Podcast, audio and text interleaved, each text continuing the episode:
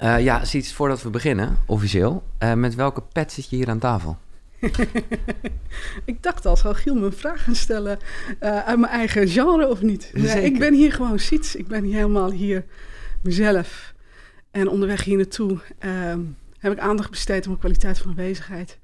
Dus ik doe mijn best om niet te veel mijn best te doen. En ik doe mijn best om te ontspannen. Nou ja, je kent het riedeltje wel. Mooi, ja, ja. maar we gaan gelijk uh, diep. Uh, Siets Bakker uh, is van Systemisch Werk, organisatieadviseur of organisatie-nerd vind jij leuker. Ja. En je bent dus van het boek, en nou ja, het is wel veel meer dan een boek inmiddels, Raken Vragen. En ik begon dus met een Raken Vraag. Laat ik er nog eentje stellen, echt voordat we goed losgaan. Wat mag er absoluut niet gebeuren? Alles mag gebeuren. Er kan niks fout gaan tijdens dit gesprek bedoel nou, ik. Ja, weet je, als ik zeg iets mag niet gebeuren, dan zet ik eigenlijk de hele zooi gelijk op slot. Ja. En dan ben ik ergens bang voor. En angst is zo ongeveer het slechtste om te doen als je met elkaar in contact wil komen, als je verbinding wil maken en als je wilt dat het leuk wordt met elkaar. Ja. Dus uh, het is ook een van de vragen die ik mezelf gesteld heb in de voorbereiding. Wat zou ik nou vooral niet willen dat gebeurt? En dan ben ik gewoon net zo lang aan het prutten op zo'n vraag, tot ik ergens innerlijk in een plek ben dat ik denk, weet je wat, gaan, maar ja. we gaan het gewoon leuk hebben. Ja, en nu uh, snap ik in dit geval dat er, uh, tenminste dat neem ik aan, niks te verbergen is of inderdaad niks fout kan gaan. Maar er zijn natuurlijk wel momenten dat er wel echt daadwerkelijk iets is waarvan je liever wil dat het niet gebeurt. Tuurlijk. Uh, maar en zit dan, je daar dan heel mee in je hoofd tijdens een gesprek? Of ja? Nou, als ik daar last van heb, dan denk ik eigenlijk meestal... wat is nou eigenlijk het allerergste dat er kan gebeuren? Ja. ja. Nou, het, allerergste, het allerergste is dat ik dood ga. Nou, de kans is niet zo heel groot dat als gevolg van wat wij hier doen, dat dat gaat gebeuren. Niet, en dan pel ik hem zo een beetje af. Nou ja, weet je, het allerergste is dat het helemaal niet leuk wordt en dat ik nee. voor aap sta. Nou ja, dat zien we dan wel weer. En dan, en dan hou ik op met jouw eigen vragen, maar ik vond ze wel leuk om uh, ermee te beginnen. En ik vind het ook echt om, uh, ik ben ook oprecht geïnteresseerd. Wat maakt dat jij hiermee bezig bent? Ik ben um, zo ongelooflijk geïnteresseerd in beweging. En dan niet fysieke beweging, nee. maar in hoe kunnen we zorgen dat er meer beweging komt in ons leven? En als organisatieadviseur of organisatie-nerd ja. zie ik bijvoorbeeld heel veel mensen uh, die in organisaties werken, maar eigenlijk heel erg stilstaan. Dus die brengen heel veel energie en talent en tijd en die hele zooi brengen ze in. Maar als je dan echt vraagt, gebeurt er wat? Ja. Nou, niet altijd. Maar kan je dan beweging iets meer duiden? Is dat, uh, ja, je noemt al de term energie. Wat, wat, wat, ja, ik snap het wel een beetje hoor natuurlijk. Maar... Ja, ja nou, ik, ben, ik denk eigenlijk vrij simpel. Dus als ik kijk naar alles wat niet door mensen gemaakt is... dus uh, alles wat in de natuur is, wat gewoon bestaat... dat is altijd in beweging. Ja. Dus de aarde is in beweging, hè? het draait om zijn as, maar ook de aardplaten. Uh, het allergrootste, de melkwegstelsels, zoals zonnestelsels, de hele zooi. Ook het allerkleinste, elektronen, zijn ook in beweging. Ja, ja. Ja, dan denk ik eigenlijk, dan is beweging meer natuurlijk dan stilstand. Ja. Dus als ergens iets stilstaat, gaat het tegen de natuur in. Wat tegen de natuur ingaat, kost energie. Maar ja, uh, duidelijk. Maar hoe vertaal je dat dan naar... Jij noemt net het, dat sommige mensen stilstaan op hun werk. Die zijn feitelijk gezien... Zijn ze aan het ademen, cellen aan het produceren... letterlijk bewegen ze nog. Dus in hoeverre staan ze dan stil? In hun denken. In hun denken, ja. Ja. Er zijn heel veel mensen die stilstaan in hun denken. Die gewoon eigenlijk alleen maar puntjes in willen vullen. Ja, die zeggen, het, het moet op deze manier, het kan alleen zo, het is alleen goed als, of uh, ik mag dit niet, of ik kan dit niet, of het hoort zo. Het zijn allemaal verschillende uitingen van stilstaan in je denken. En dat betekent dus dat je eigenlijk jezelf niet meer beschikbaar maakt nee. voor wat er ook nog zou kunnen. Ja, en dat is de essentie van raken vragen, dat je ja, vooral eigenlijk ook niet bezig bent met het antwoord eigenlijk. Het gaat helemaal niet om het antwoord. Nee. Nee, het gaat om de beweging. Ja. En beweging krijg je doordat je met elkaar verbindt. En dat is ook gelijk het onderscheid met een ander soort vragen. Want de meeste vragen, die stel je omdat je een antwoord wilt. Ja. En hier gaat het helemaal niet om het antwoord. Het gaat veel meer over wat er gebeurt nadat je een vraag gesteld hebt. En soms ook wat er gebeurt voordat je een vraag stelt. Dus, Bij jezelf. Ja, als je in je hoofd aan het denken bent, wat zal ik eens vragen? Weet je, als, daar, als je daar opties hebt en alternatieven, wordt ook je eigen denkruimte gelijk al groter.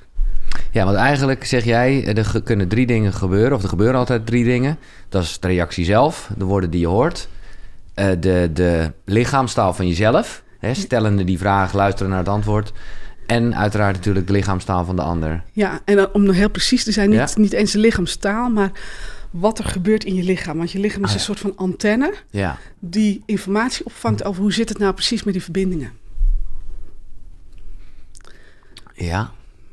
En is dat dan, als je zegt antenne, uh, dan moet ik bijna gelijk denken, misschien ben je er helemaal wars van, maar dan moet ik ook gelijk een beetje denken aan uh, iets wat vaak wordt besproken in deze podcast, de wet van aantrekkingskracht. Oftewel, je pakt als antenne eigenlijk alleen op wat je wil. Of ja, waar je op afgetuned bent. Hè? In de categorie, ik heb een witte auto net nieuw. Oh, wat zie ik ineens veel witte auto's. Bedoel, bedoel je dat ook met een antenne? Ja, dus de antenne is meer dat je beschikbaar bent voor al die potentie en informatie die er in de lucht hangt. Ja. dus als je iemand ontmoet, dat je gelijk een beetje gevoel hebt van, uh, oh ja, er is iemand met wie ik een klik heb, we kunnen samen wat doen. Of uh, als je voorbereidt voor iets, dat je denkt, oh, dit gaat heel leuk worden met elkaar, weet je. Dat weet je via je lichaam. Ja. Je kunt niet besluiten dat het zo is. Nee. Je kunt ook niet besluiten, ik ben verliefd of nee. we, we, zijn vrienden met elkaar. Dat gaat helemaal niet. En dan de wet van de aantrekkingskracht en bijvoorbeeld met affirmeren is natuurlijk een hele goede techniek om het in je leven te krijgen. En vanuit het denken in raken vragen of nog breder systemisch werken, zeg je eigenlijk: het is er al. Ja. En als het uh, juiste moment is, dan komt het naar me toe. Dus ik hoef niet eens hard mijn best te zitten doen om het naar me toe te halen. En misschien komt er wel iets anders dat nog veel mooier is dan wat ik had kunnen bedenken. Ja. Maar hoe, uh, dat lag ook een beetje verborgen in mijn vraag. Wat maakt dat je hiermee bezig bent? Ik snap dat je het heel leuk vindt, maar hoe komt dit zo specifiek op jouw pad?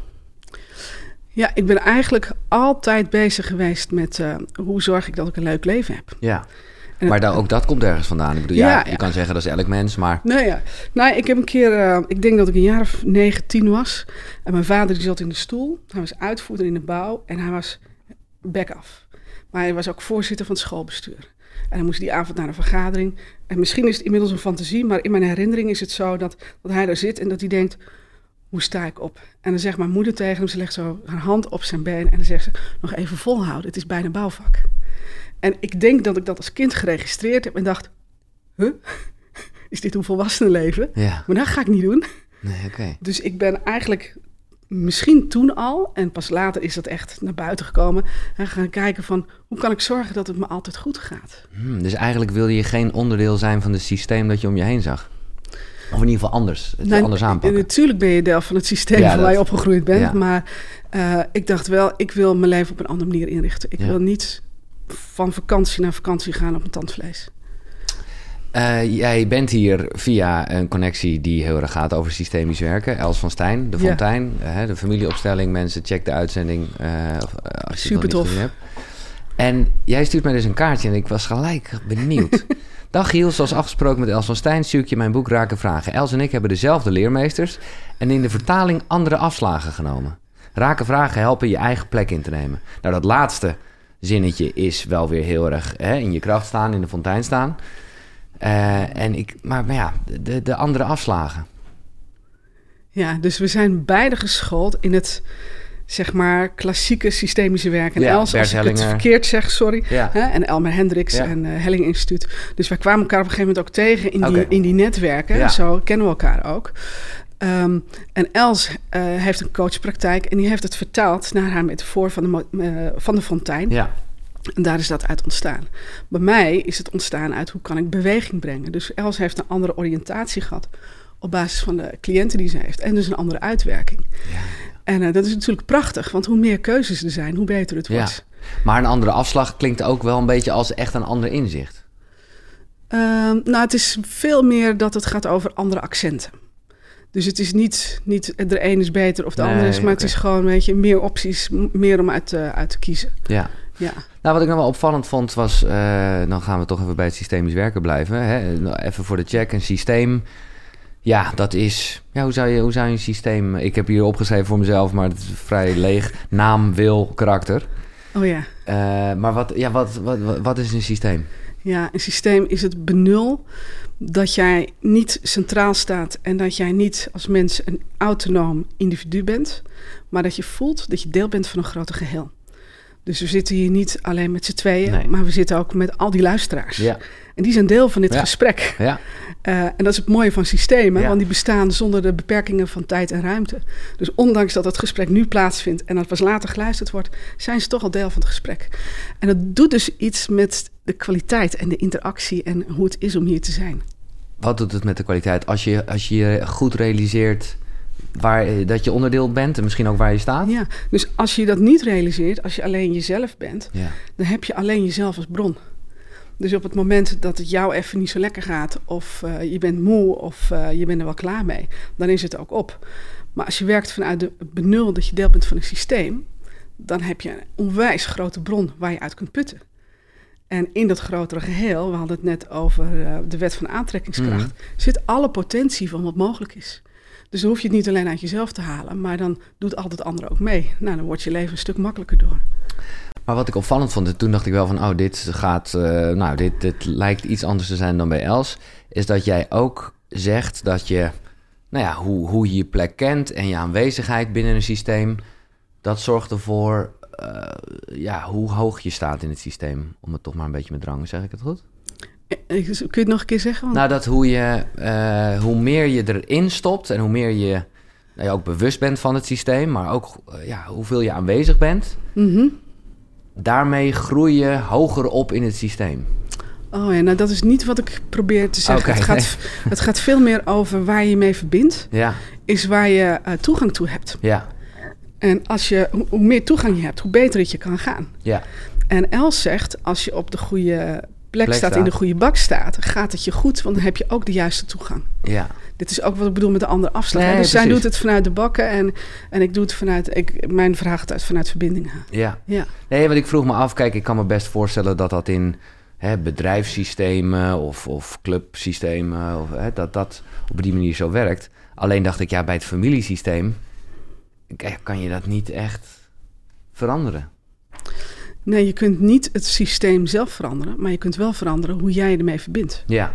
Dus als je uh, je familiesysteem afwijst, ja, je vindt er wat van, ja. dan is dat wat je organiseert in je verbindingen. En dus bepaalt dat wat er um, aan interactie door die verbindingen kan plaatsvinden.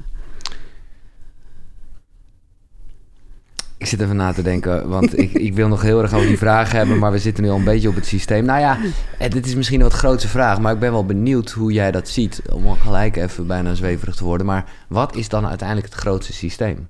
Want er komt een, in die end zijn wij alle mensen onderdeel van een systeem. Ja. Hè? En als er, zeker als er marsmannetjes zouden zijn, nou dan zouden wij echt nog meer dan ooit een connectie voelen met hey, jij mens, ik ook mens. Ja, uh, ja wat, uh, wat, wat zit er nog boven? Ik heb geen idee, Giel. Nee. Nee, en, en elk antwoord dat iemand geeft, geloof ik. Ja. Want het, en dat is een mooi voorbeeld van hoe het uiteindelijk niet over het antwoord gaat, maar hoe het proces en het gesprek erover en waar je mee verbonden bent, hoe dat gaaf is. Ja. Stel je voor dat je een antwoord zou hebben. Ja, nee, dat dan wat. ja. Nee, dat klopt. Dus, uh, maar ik zit er ook wel een beetje na te denken om dan toch, uh, het, het, onderwerp komt gelukkig veel minder voor, maar toch even met betrekking tot corona. Daar zal jij als, als systemisch werker, noem ik je dan nu maar even, toch ook mee bezig zijn.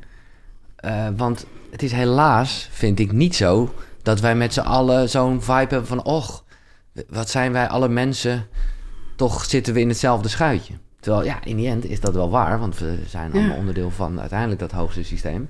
Hoe, hoe plaats jij dat van wat er allemaal gebeurt in de wereld? Even puur ja. systemisch gezien. Uh, ik kan het alleen zeggen vanuit mijn eigen invalshoek natuurlijk. Ja. Um, en, en dat is ook het leuke. Ik denk als je andere mensen gaat vragen, ook met dezelfde soort achtergrond, dat ze nog meer erover kunnen vertellen. Voor mij uh, begint het al met angst. Dus angst is een. Als je angstig bent, doe je dit. Weet je, dan komt dit in je lichaam. Dit is stilstand. En dit kost energie. En hier raak je dus uit verbinding. Ja. Dus voor mijzelf is het ik ben uh, acht jaar geleden 40 geworden. En toen dacht ik, hoe ga ik de rest van mijn leven leven? Ik dacht, vanaf nu of aan neem ik geen enkel besluit meer uit angst. Ik, ik ga zoveel mogelijk angst uit mijn leven laten. Want dat doet dit en dat trekt energie. En uh, ik wil allemaal energie beschikbaar houden voor de dingen die echt leuk ja, zijn. Dat is ook misschien waarop uh, de, de, de, ja, jij doet zo, dus dat is bijna de freeze. Maar het zou ook nog een fight for flight kunnen zijn. Maar in ieder geval uit verbinding. Uit verbinding, uit verbinding met hier en nu. Dus als het over COVID gaat, hè, hoe je leest en, en wat er allemaal is, dan kun je vanuit angst op reageren. Maar je kunt ook zeggen: Oh, dat is interessant. Er zijn mensen die er zo naar kijken. Ja. En voor wat mijzelf betreft en mijn gezin betreft, de keuzes die we maken, die maken we uit. Waar geloven we in? Ja. Waar krijgen we mee toegang tot onze energie? Waar worden we blij van? Wat, wat, wat, wat, wat wordt er sterker als we deze keuze maken? Dus we zijn helemaal niet bezig met de vraag van uh, wat kan er allemaal misgaan? Want dat brengt je nergens. Nee, en dat is dus eigenlijk wat je zegt door, en uh, heel logisch, door de grote hoeveelheid angst voor allerlei verschillende dingen is het allemaal zo onrustig en is dat systeem uh, nou niet echt lekker in balans, zou je kunnen zeggen. Ja, en het is eigenlijk ook niet nodig. Dus doordat er zoveel angst is, gaat er heel veel op slot. Ja. Uh, en is dus heel veel potentieel niet meer bereikbaar. Nee. En hoe gaaf is het, weet je, het idee alleen al, dat als we al dat potentieel weer vrij zouden kunnen krijgen, wat er allemaal mogelijk is. Ja, nou ja, zeker als je daar met rake vragen uh, gesprek over hebt met mensen, dan kan je er ook wat meer uh, meta boven zweven, ja, zeg maar. Ja, en weet je wat nou zo leuk is? Het is maar een vraag, hè? Ja. Dus het is compleet zonder voorwaarden. Je hoeft Ja. niet eerst iets heel ingewikkelds te doen... of een bepaalde routine op te bouwen of een diploma te halen. Het is gewoon een vraag die je stelt. En dan als iemand een beetje lullig reageert... dan zeg je gewoon... sorry voor deze vier seconden van je leven. Ja, ja, ja je ja, moeilijker is het Ja. niet. Eh, nog even eh, in deze systeem. Er zit een heel systeem in dit gesprek, merk ik al. Ehm, wat is nou precies fenomenologisch denken? Ja, Fenomenologisch. wat een rotwoord, hè? Ja, fenomenologisch. Fenomenologisch. Fenomenologisch is dat je het ehm, neemt zoals het zich aan je aandient. Dus je werkt niet vanuit veronderstellingen of hypotheses. Of je zegt, nou, de wereld zal wel zo in elkaar zitten. Ja. Of eh, heel veel van die businessmodellen, hè, die hebben kwadrantjes en Allemaal processen. En nou, tup, eh, stappen, ja. alles klopt als je het leest. Ja. Maar als je dan zegt, kan ik het voelen in mijn lijf? Ja, ik niet. Nee. Ehm, dus ik wil ook dat het in mijn lijf voelbaar is. En fenomenologisch is precies daarmee werken. Dus je bent hier, je neemt waar. Hoe is het om hier te zijn? En wat gebeurt er tussen jou en mij? En dan doe ik niet, ik wil dat het zo is. Of ik doe ook niet, zo zou het moeten zijn. Dan zeg ik, oh ja, dit is wat er gebeurt, interessant. En dat neem ik als informatie. Een, een mooi loffelijk streven. En ik, ik snap ook wel, eh, nou ja, hè, dat, dat, nou ja, ik denk dat kinderen dat van nature bijna soort hebben. Zeker, Maar dieren ook. Ja, Ja. maar je ontkomt er toch niet aan dat je op een gegeven moment toch geconditioneerd bent en ja, toch bepaalde veronderstellingen hebt. Ja, zeker weten. En zeker in onze westerse cultuur, we zijn natuurlijk enorm goed geschoold om te werken vanuit hypotheses en te werken vanuit een doel en om een plan te hebben. Heb je een plan, ben je goed bezig. Ja, Ehm, dus dat is een heel andere benadering. Dat is meer een soort van analytische benadering. Als ik maar de goede dingen goed doe, dan komt alles vanzelf goed. ja. En dat zit sterk in ons onderwijs, in onze cultuur, eh, in onze overheid, eh, in onze opvoeding. Ehm, en dat is allemaal waar, dat heb je allemaal nodig. Maar als je dat allemaal goed zou doen, heb je nog steeds een vrij leeg leven. ja gezellig. Ja, want het hoort nergens bij. Nee, Het is nergens mee verbonden. Dus dat andere stuk, dat hoort er ook bij. En daar zijn we iets minder in ontwikkeld, omdat we zo lang de focus hebben gehad op dat andere. ja. En dat zie je ook, weet je. Het succes van het boek van Els en de belangstelling voor systemisch werk Mhm. en ook met raakvraag. ja. Dat zijn allemaal manieren die het hanteerbaar maken om ook dat andere stuk toe te voegen. Maar eh, zou je een tip kunnen geven hoe je ja, zeg maar bewuster kan zijn dat je meer fenomenologisch denkt? Het is niet eens denken, het is eh, zijn. Ja, Ja, dus het begin, de, de beste tip is de eerste drie minuten dat je ergens bent, bent, vind er niks van. Wees gewoon helemaal neutraal en wees alleen maar bereid en beschikbaar om te zeggen: Ik ben benieuwd wat hier is. ja. En dan doe je daarna weer alles, al het andere wat je doet. En dan merk je gelijk, doordat je die drie minuten meepakt, dat er een soort van verrijking komt in de ontmoeting. Openheid, ja. Ja. En als je al dan wel iets voelt, wees er bewust van dat je het voelt, maar leg het nog even naast je neer. Ja, je hoeft er niks mee. Ja. Elk systeem heeft, eh, of er zijn eigenlijk drie soorten gewetens. Wat, Ja. wat is een geweten? Ja, oh, dat is echt een van de moeilijkste vragen die je me kunt stellen, Giel. Lekker. Lekker, ik ben bedankt. blij. De Ja. vraag is binnen, jongens. Ja, dus het, eh, de, de taal van de gewetens die is eh, geformuleerd door Bert Hellinger. Ja, Ik vraag me altijd af, eh, zou dat komen dat hij het gewetens heeft genoemd doordat hij een priester geweest is? Want ah, ja dat het, is hè, we zitten hier erg. ook in een kerk, Ja, dus ja, zo. Nee, maar dat is precies. Dus Ja, ja, daarom ben ik echt benieuwd wat jouw definitie van geweten is. Want het is inderdaad alsof iemand op je neerkijkt en dat in de gaten houdt. Toch een beetje met een vingertje. Ja, ja. Nou, het is. eh, dus ik ben enorm aan het zoeken naar wat voor andere woorden en wat voor andere voorbeelden kunnen gebruiken, dat we er toegang toe krijgen. Want als we alleen geweten gebruiken, dat stoot enorm af. Dus op dit moment denk ik van ja, weet je, het gaat over wat is er hier aan het voortbestaan? Wie is bezig met zijn bestaansrecht? En dat kan een individu zijn. Dus wat moet ik doen om erbij te mogen blijven horen? Nou, dat zien we nu natuurlijk enorm met die vaccinaties en die Ja. coronapas. Hè. Welke regels volg ik om ergens bij een bepaalde groep te horen? Dat is het groepsgeweten. Ja, Dat, is, dat, is, uh, dat zorgt dat jij uh, erbij mag blijven horen. De tweede is het geweten van het systeem zelf. Dus dat is het systeem dat zichzelf in stand houdt. En we zien uh, afgelopen jaren, mag ik wel zeggen, veel voorbeelden van systemen die in stand gebleven zijn. Ondanks dat de individuen daarin zeggen: ja, het is eigenlijk niet goed wat hier Dit gebeurt. kan helemaal niet meer. Ja, ja dus, dus dat is uh, het systeemgeweten. En dan is er een derde geweten. ik noem het levenskracht. En dat is het leven zelf. Het universeel geweten. Het universeel geweten heet het in klassiek jargon. Uh, maar ik, ik ik vind levenskracht gewoon een lekkere woord. Ja, dat vind ik wel fijn. Daar word ik blij van, Ja, maar het is ook lekker niet tastbaar, maar dat is het natuurlijk Nee, en dat is, dat is het ook niet. Nee. En dat is zeg maar wat het vermogen heeft om al die systemen die zo opgebouwd zijn, om die te vernietigen. Ja. En dat is lekker, want dan komt alles wat vast zat in die systemen, komt weer beschikbaar voor iets nieuws. Maar die gewetens, uh, nou ja, die spelen dus alle drie een rol. Ja. Maar ja, die conflicteren dus ook heel vaak met elkaar. Ja, die kunnen heel makkelijk conflicteren. Ja. Dus soms doe je iets um, voor het systeem, zodat het systeem kan blijven voortbestaan. Dus je, je zegt ergens ja op waarvan je in je hart eigenlijk nee zou willen zeggen. Maar En je- omdat men het nou eenmaal wil? Nee, dat is meer groep. Dan. Dat is, dat is dan al bewust. Hè? Ja. Dit speelt zich allemaal onbewust Ja, af. Ja, het ja, is verschrikkelijk. Ja, nee, nee, maar heel goed. Dus wat je wel kunt doen om een beetje gevoel bij te krijgen, is eh, als je iets zit te willen of iets zit te doen, dat je zegt namens wie of wat doe ik dit? Ja, En dan voel je gelijk wat voor zachtheid er ontstaat en wat voor ruimte er ontstaat om een keuze te maken. want dan blijkt dat je het soms helemaal niet vanuit jezelf doet... of vanuit het clubje, Ja. om het maar even zo te zeggen. Maar Ja. omdat het nou eenmaal zo hoort. Ja, precies. Ja. En eh, dat vind ik een van de mooie dingen van al het thuiswerken afgelopen jaar. Mhm. Weet je, al die bullshit dingen die bedoeld waren om het systeem in Ja. stand te houden, die waren nu kansloos. Want het werk was op visite thuis. Ja. Dus eh, die, die, die, verdampte. Precies. Maar hoe... eh, want het, ik- dat, dat groepsgeweten en dat systeemgeweten... oké, daar kan je dan wel goed over nadenken... bij welk vraagstuk in je leven dan ook. Maar ik vind het moeilijk om ook echt te weten wat... nou ja, wat jij levenskracht noemt, het, het, Ja. het, het universele geweten... ja, wat, wat, wat daar je gevoel bij is. Ja, en terwijl dat juist precies is waar het over gaat... en misschien wel waar Koekeroe over gaat. Hè, ver- hè, verbinding met jezelf. Maar hoe...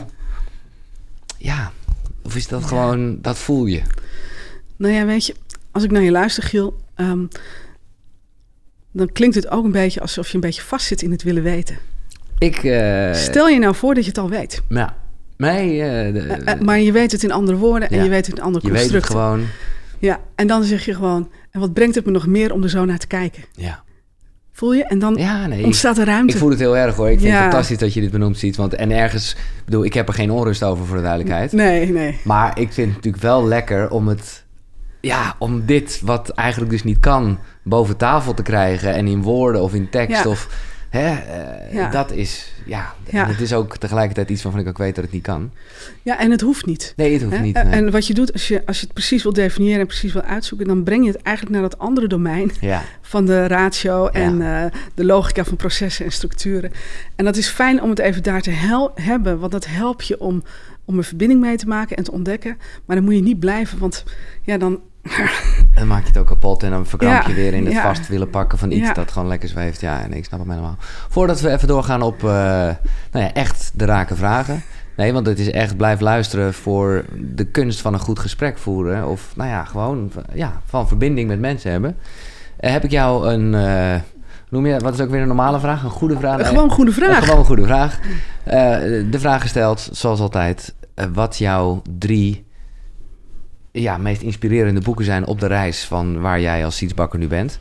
Ik moet zeggen, in jouw boek staat er al heel veel. Met gewoon de classics van Bert Hellinger en je noemt ook Els nog eventjes. Tuurlijk. Ja. Ehm, maar ik, weet- ik, misschien heb je die boeken, misschien heb je hele andere boeken. Ik heb heel andere boeken mee. Ja? Ja. Oh, leuk. Ja. Oké, nou pak Ja. ze erbij. Want ik zat natuurlijk een beetje te dubben. Ja, Hoe ga ik nou kiezen? ja, Op basis van wat kies ik wat ik meeneem? En toen dacht ik, ik neem boeken mee die op dit moment voor mij aanstaan. Waar ik op dit moment mee bezig ben. Die in je hoofd aanstaan of die je echt aan het hart. lezen in je hart? In ja, natuurlijk, natuurlijk. Dus, ja. En ehm, toen waren het er maar twee. hey, En toen dacht ik, ja, ik kan nu geforceerd een derde. een derde zoeken. Maar ga ik gewoon niet doen, want dan zit ik mezelf weer... Eh, nee, dus het zijn er twee. Ja. Nou ja, we doen er- Raken Vragen zelf is dan boek 3, dus in de boekenkast. en op uh, koekeroe.nl slash seats. S-I-E-T-S. Daar zie je de drie boeken, uh, want dan zijn het er toch nog drie. Uh, ja, begin maar met uh, Gandhi, want die zie ik. Ja. Is dat de bio of wat is dit? Nee, dit is niet de bio. Okay. dit is Non-Violent Resistance. Dus dit is eigenlijk zijn, een verzameling van zijn schrijfsels over burgerlijke ongehoorzaamheid uh, geweldloos uh, verzet, zeg maar. Ja, ja. En hij heeft er een heel mooi Indiaas woord voor bedacht, maar ik durf het niet uit te spreken. Want ik heb geen idee hoe het maar is. Het klinkt ongeveer als. Satyagra, okay. denk ik. Weet ik niet. hij heeft in, in zijn leven enorm veel gepubliceerd. Hè. Nu zouden we hem blogger noemen, maar toen was, ging het gewoon in de kranten. en um, hij was eigenlijk heel filosofisch en spiritueel ingesteld. En wat hij hier beschrijft zijn, zeg maar, zijn ja, gedachtenspinsels bijna zijn aanpak en de ontwikkeling van het geweldloze verzet. Maar wat over, al over de wereld gebeurt, heeft hij een beetje in kaart gebracht. En daar zijn. Nee, dit ging over zijn persoonlijke oh, ervaringen. En begon in de tijd dat hij als uh, advocaat in Zuid-Afrika ging werken. Dat hij daar als, uh, als Indiër niet op de stoep mocht lopen, bijvoorbeeld. Ja. En op een gegeven moment uh, moesten mensen die niet wit waren, moesten een pas bij zich dragen en die pas laten zien.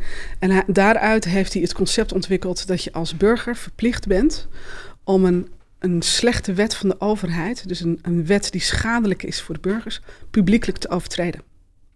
Nice. En, nou, ik weet wel wat hij in deze tijd zou doen, of juist niet. Nou ja, het is heel grappig, want dit speelt natuurlijk gewoon honderd jaar geleden. In een totaal andere wereld. En het is bijna, ja, je kan er zo doorheen bladeren. Als je hem openslaat, op elke pagina vind ik wel iets dat ik denk... Oh, staat een les. Staat een les, staat een... Dat je, oh ja, zo kun je er naar kijken. En dan is het niet dat ik hem na wil doen of dat ik hem wil volgen. Maar ik voed me met zijn gedachten. En dat vind ik interessant. En zeker omdat het uit, zo'n andere tijd komt. En heb je nou bewust ergens een kaartje gedaan? Of nee, niet? ik ben hier. Oh, je bent, gewoon, ben. Je bent ook, hebben hem ook nog niet uit. Nee, want dit duurt echt eeuwig voordat ja. je dit aan. Ik, ik kan maar één of twee bladzijden tegelijk, want er staat zoveel in. Uh, ja, ja, processen. Ja. Hmm. ja. Non-violent resistance. Ja. Fascinerend. En hoe ben je zo bijgekomen dan? Om dit boek te gaan lezen? En, nou, ik heb een hele periode gehad dat ik heel geïnteresseerd was in uh, geschiedenis.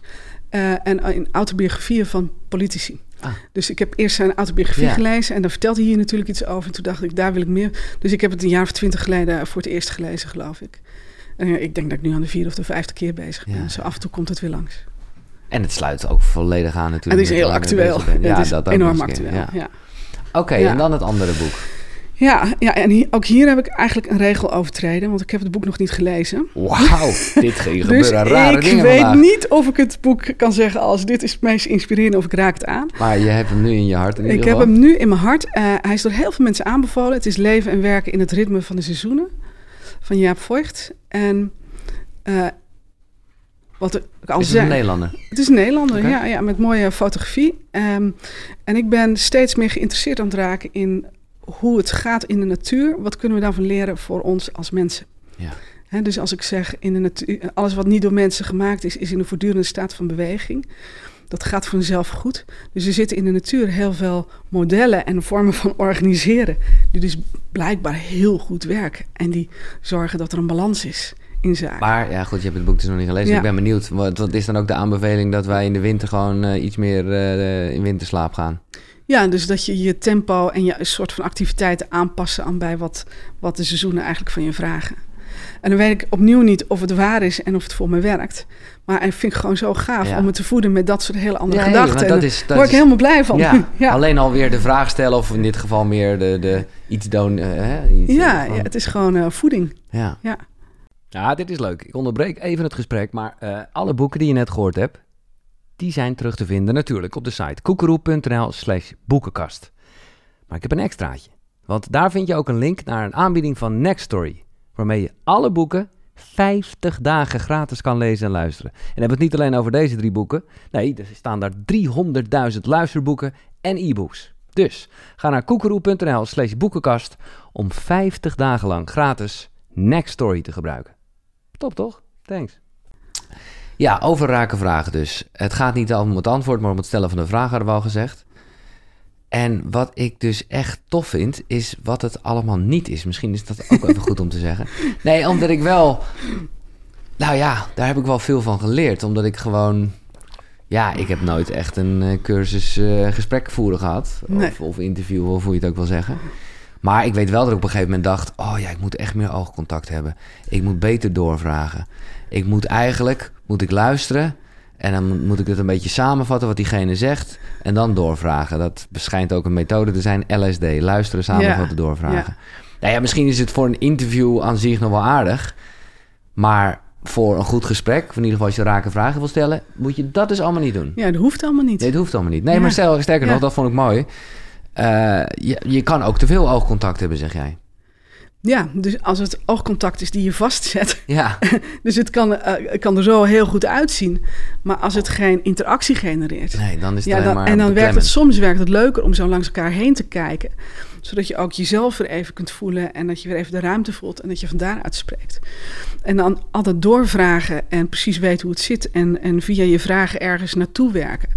Dat kun je natuurlijk ook allemaal doen. Het zijn allemaal supergoeie technieken, maar die brengen je op een ander terrein. Ja. En als je het wilt hebben over de verbindingen op de systemische lagen, dan helpt het niet om dat soort vragen te stellen. Dan wil je vragen stellen die gaan over verbindingen en die je helpen ja, Voordat dit te vaag klinkt, uh, wat je eigenlijk zegt is...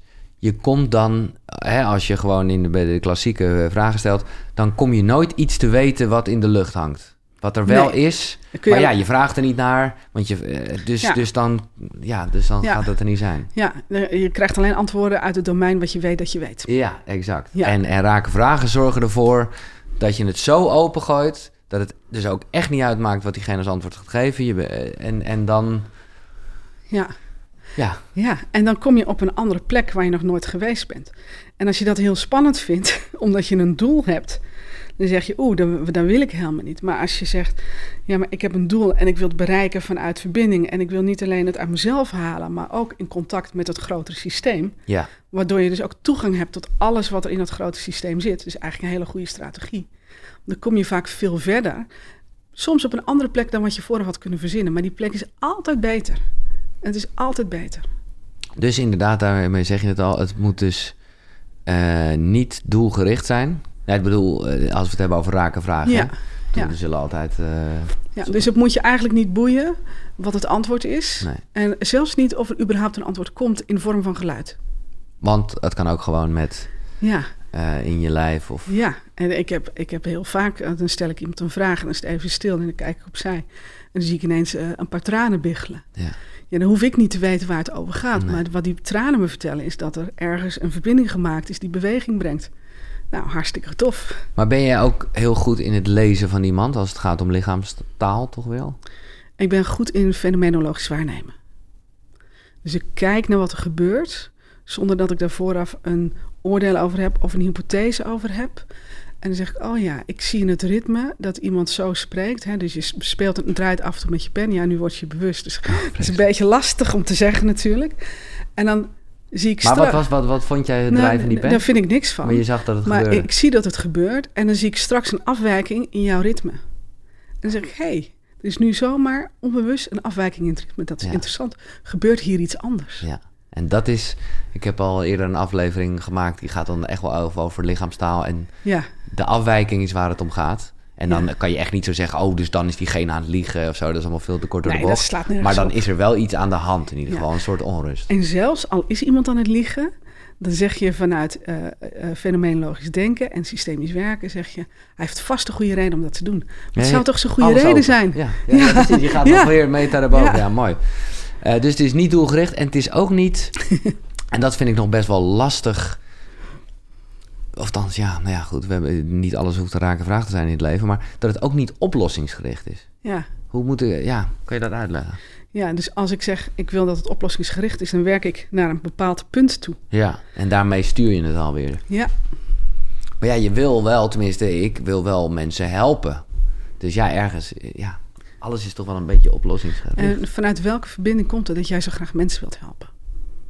Nou, omdat ik gewoon heel erg geloof hè, vanuit het allergrootste systeem, om het zo maar te zeggen, dat wij mensen met elkaar verbonden zijn en dus elkaar helpen. Ja. En wat zou gebeuren als je helpen zou vervangen door beschikbaar zijn? Ja, maar dat is toch helpen. Maar goed, ik. Uh, ja, nou, dan, kunnen we. Nee, dat is een beetje een woordspel. Ja.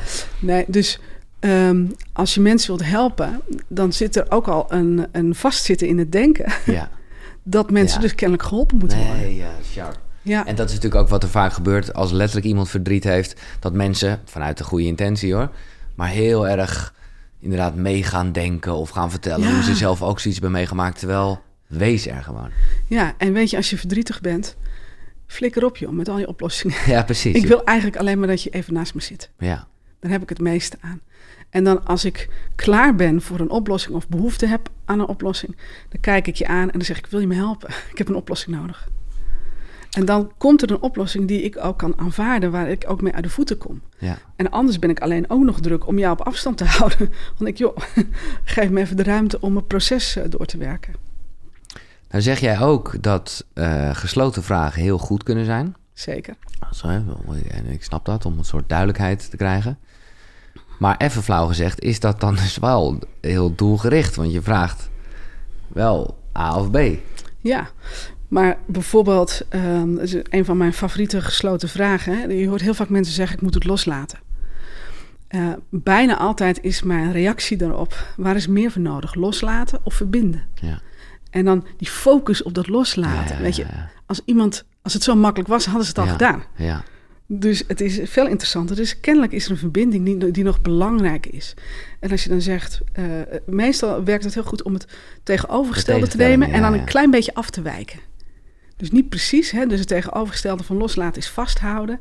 En dan verbinden zit in de buurt van vasthouden, dus je wijkt een paar graden af. En dan zou je zelfs nog kunnen zeggen, en dan zie je al aan de lichaam, fenomenologisch waarnemen, dat er iets gebeurt, dat er een reactie komt. Is iemand even in de war? Dat in de war is een prachtig moment, want daar is ruimte voor nieuwe verbindingen. Ja. En dan zou je, als het nodig is, ook nog kunnen zeggen, en misschien is het wel, welk deel moet je loslaten en welk deel heeft meer verbinding nodig? Ja. En dan breng je het weer terug in balans en dan mag iemand er zelf uh, zijn keuzes in maken. Ja, ben, je goed, ben je goed aan het helpen als je dat doet. Ja, exact. Nee. maar oh, en dat is, heb jij ook met een voorbeeld, uh, dat gaat dan meer over perspectief, maar dat is wel een beetje dit. En ik moest er zelf heel erg om nadenken. Ik heb me een beetje vertaald naar mezelf. Jij had het, ik geloof, een computerbedrijf of zo. Maar toen vroeg ik me af, oké, ben ik een podcastmaker die ondernemer is? Ja, ja. Of ben ik een ondernemer die een podcast maakt? Nou, ik ben wel het eerste hoor, ben ik achtergekomen. Maar ik vond het wel even leuk om die vraag te stellen. Ja, en waar is radio? Radio is mijn baantje. En dat is je baantje. Oh ja. ja. Ja. Maar goed, kijk, even nog meer meta of groter ben, ben, ik natuurlijk ook niet echt een podcastmaker. Dan ben ik gewoon meer wat ik je net zeg. Van ja. op deze planeet ook gewoon op zoek naar verbinding. Ja, net als wij allemaal. Zo simpel ja, is het natuurlijk in die end. Maar het is wel leuk om, om dat perspectieftrucje voor jezelf of voor anderen te gebruiken. Ja. Um, ja, en dan is het vooral leuk om, als ik hem mag aanvullen, om hem in te zetten op het moment dat het je niet zo goed gaat als zou kunnen gaan. Dus weet je, als dingen die leuk zouden moeten zijn, als die gewoon vervelend worden, dat je het uit zit te stellen. Geef eens een voorbeeld. Nou, um, stel um, in mijn werk als uh, zelfstandig, ik weet niet of jij wel eens offertes maakt, soms moet je offertes maken. Ja, dat zou een leuk klusje moeten zijn. Word je blij van iemand vraagt, kun je wat voor me betekenen? En als je dan merkt dat het een rot klusje is, en dat je het voor je uit zit te stellen, dus dan kost het je energie, dan wil je niet, want je wilt je energie beschikbaar houden. Dan kun je zeggen: Oké, wat maakt nou dat het zo'n rotklusje is?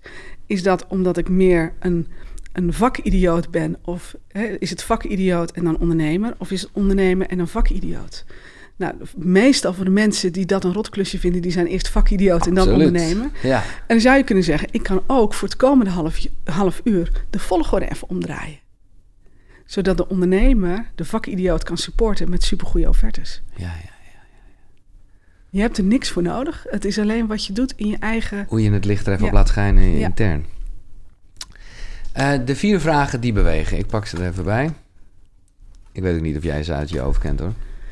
Of wel ken je ze uit je hoofd? Wat ben je van plan? Wat nou, wordt, ik, vind gewoon, ik vind gewoon... Nee, ik wil niet je hele boek hier in een gesprek proberen het over te doen... want dat, daarvoor moeten mensen het gewoon lezen. Of, maar het, het, het, ja, het triggert wel hoe je. Uh, ja. Ja, en het leuke van die vier vragen is, we hadden het er net over, die verwijzen eigenlijk, zonder dat je doorhebt, naar die gewetens. Ah.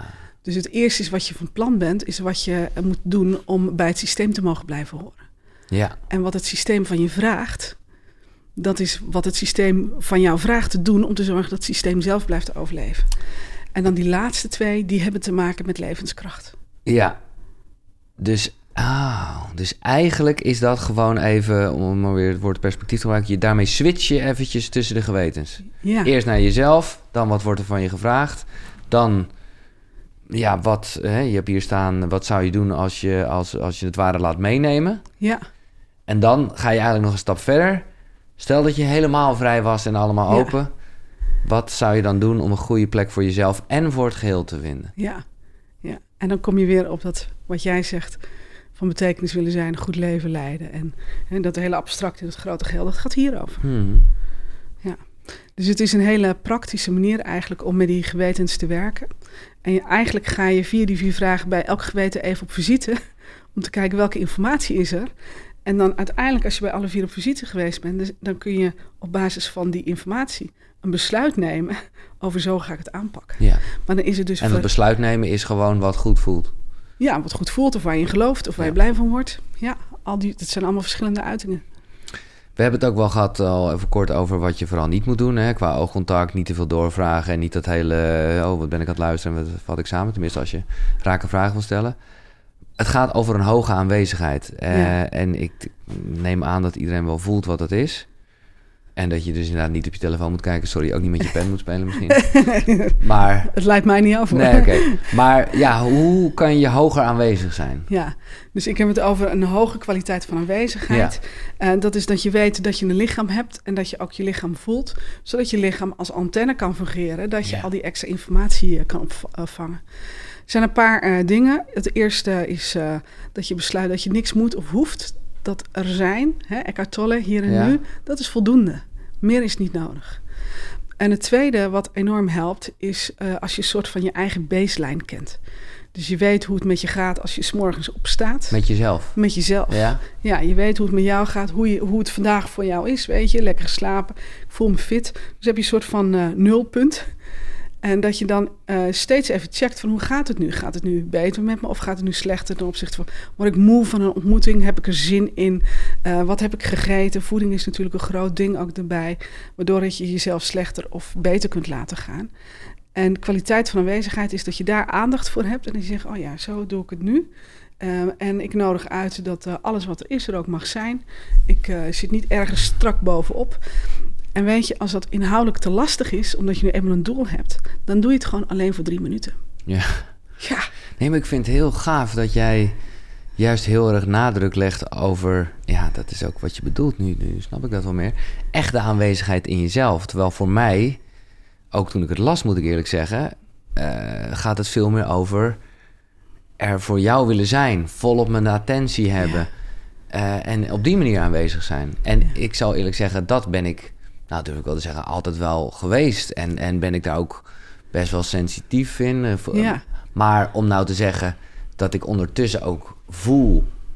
En ik ben, ben, ben dat aan het trainen, om het zo maar te zeggen. Maar Ja. op, het- dat, ik heb dat heel lang niet gevoeld. ja, Dat ik gewoon dus wel echt precies voelde bij jou. Oh nee, daar zit iets. En ik hang aan je lippen, om het maar zo te zeggen. Maar ik heb daar nooit naar gedacht. Hé, hey, dit voelt bij mij hier. Voel ik iets. Nou ja, misschien iets letterlijks borrelen. Of een, een ja. En het is heerlijk als je iemand ontmoet die sensitief is en die op je kan afstemmen. En het is nog fantastischer als je ook kunt voelen dat die persoon ook bij zichzelf is. Ja, nee, daarom. Ja, en dat is heel fijn, want dan heb je gewoon heel veel om te doen.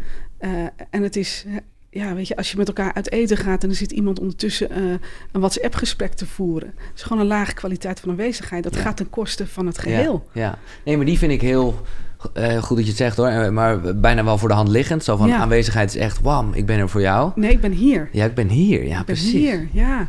ja. En dan, als ik hier ben, kan ik er ook voor jou zijn. Ja. En dan is er voor jou iets om te ontmoeten in mij. Nee, het is weer de classic. Verbinding met jezelf is verbinding Ja, met ja. de ander. Sterker nog, je zou ook kunnen zeggen, ik weiger om de ander te ontmoeten als ik niet eerst hier ben. Ja, Eh, want anders is het leeg en dan is het, is het of op routine ben ik in een soort van trance of het trekt me leeg. Want er is geen, geen echte verbinding, zeg maar. en hoe, eh, ja, hoe train je dit? Of hoe hou je dit eh, sharp? Nou, dat is het mooie. Je hebt het van nature al.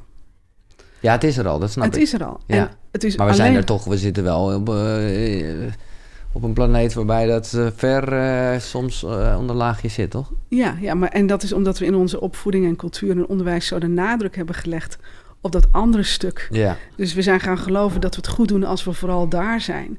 Dus het is veel meer jezelf toestemming geven om dat wat je van nature al beschikbaar hebt ook in te zetten en ook te gebruiken. Dus het is niet eens dat je het zelf hoeft te trainen. Nee. Het is veel meer blootleggen. Er zijn en jezelf toestemming geven. Okay, en, dan, en, en, als het dan lastig is, ja. dan zeg je tegen jezelf: hé, hey, maar ben ik loyaal aan dat het zo lastig is?